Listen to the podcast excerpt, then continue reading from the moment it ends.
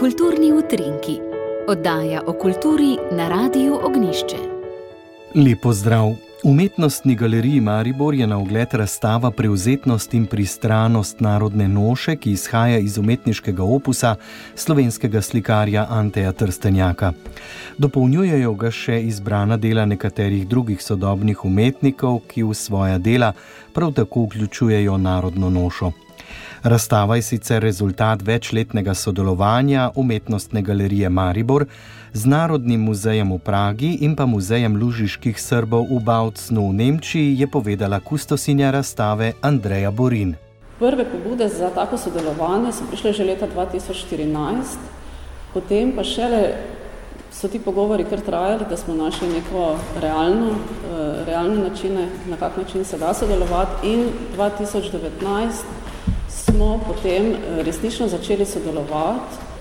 Ideja pa je bila, da v vsaki od teh institucij se zgodi razstava, da gre torej za neko vzajemnost, In prva razstava je bila leta 2020 v Muzeju Lužiških Srbov v Bavcnu, ampak absolutno ne gre za isto razstavo, kajti dogovor je bil, da glede na poslanstvo vsake od teh institucij, to so zelo različne, mi smo recimo galerija za sodobno umetnost, Muzej Lužiških Srbov se pač fokusira na njihovo kulturo, ohranjanje te dediščine so bolj malo bolj etnografsko obarvan in, in ravno tako e, Narodni muzej prav tako gre za etnografsko zbirko. Tako da te razstave, ki bodo v vsaki od teh treh institucij, so zelo različne.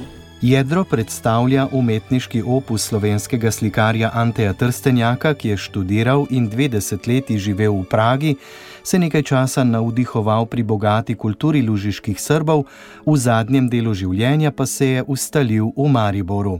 To je namreč avtor, ki je povezan z vsemi temi tremi kraji je slovenec, eh, porodu iz bližine Ljutomera, študirajo v različnih eh, krajih v Evropi, od Graca, Dunaja, Zagreba in potem na koncu Pragi, kjer je tudi diplomiral. Eh, tam je študiral okrog leta 1920 in potem 22 diplomiral in v naslednjih letih je veliko potoval tudi v Pariz, in uh, leta 28 prvič obiskal to področje Lužic, uh, torej področje Lužiških Srbov in te noše so ga zelo navdušile in se odločil, da, bo, da bo te Lužiša, Lužičanke upodabljal.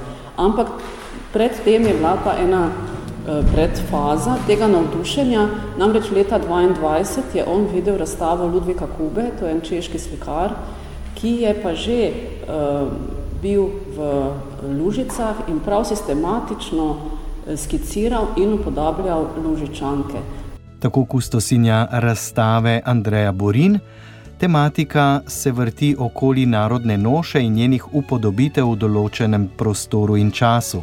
Nagovarja pa tudi teme pripadnosti in identitete ter razmišlja o vlogi ženske in njenem položaju v družbi. Kustosinja Andreja Borin še o sodobnem dodatku omenjene razstave.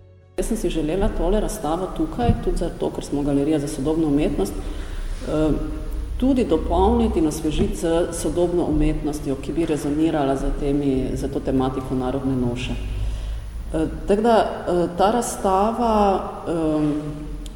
torej, ima jedro Anteja Trstenjaka, Ludvika Kube, ki je bil njegov vzor. Potem sem povabila k sodelovanju še Jernejo Ferleš, ki je preučila ta vidik slovanstva in pomena slovanstva, povezovanja lužiških Srbov z Slovenci in to narodno zavedno noto, ki, se, ki jo je tudi Ante Trstenjak zelo, zelo izpričal in pa tudi Ludvik Kuba. Potem pa sem želela vključiti sodobne umetnike, namreč se mi je zdelo zelo pomembno, da tako klasično etnografsko obarvano razstavo pripeljem tudi v sodobni čas. In sem tri sodobne umetnike povabila, Ena od teh je slovenska slikarka Tina Dobrajc, ki zelo pogosto vključuje v svoje slikarstvo eh, elemente folklore, tudi narodne noše. To je bila kustosinja razstave Preuzetnost in pristranost narodne noše Andreja Borin, ki je na ogled v umetnostni galeriji Maribor do 23. oktobra. Mladinska knjiga je predstavila izid nekropole, ključnega dela primorskega pisatelja Borisa Pahorja v obliki stripa avtorja Jurija Devetaka. Založba izpostavlja, da z njim bravcem ponujajo atmosfersko bogato in ubrano celoto ter hkrati obeležujejo literarni doprinos avtorja romana Borisa Pahorja. Ilustrator je želel s svojimi risarskimi upodobitvami posvariti pred pozabo zgodovine in opozoriti na kratenje človekovih in narodnih svoboščin in pravic. Dejal je, da Pahor v knjigi sicer ne daje velikega poudarka temu, kako taborišče zgleda, kar mu je seveda otežilo delo, temveč na prvo mesto postavlja čustvena doživetja, ki vse drugo potisnejo v ozadje. Kot je na predstavitvi povedal urednik knjige Andrej Ilc, je Devetakova nekropola tako odličen primer skrbi, da se Pahorjevo pričevanje ne izgubi. In to je bilo tudi vse za danes v kulturnih utrinkih, z vami sem bil Jože Bartol.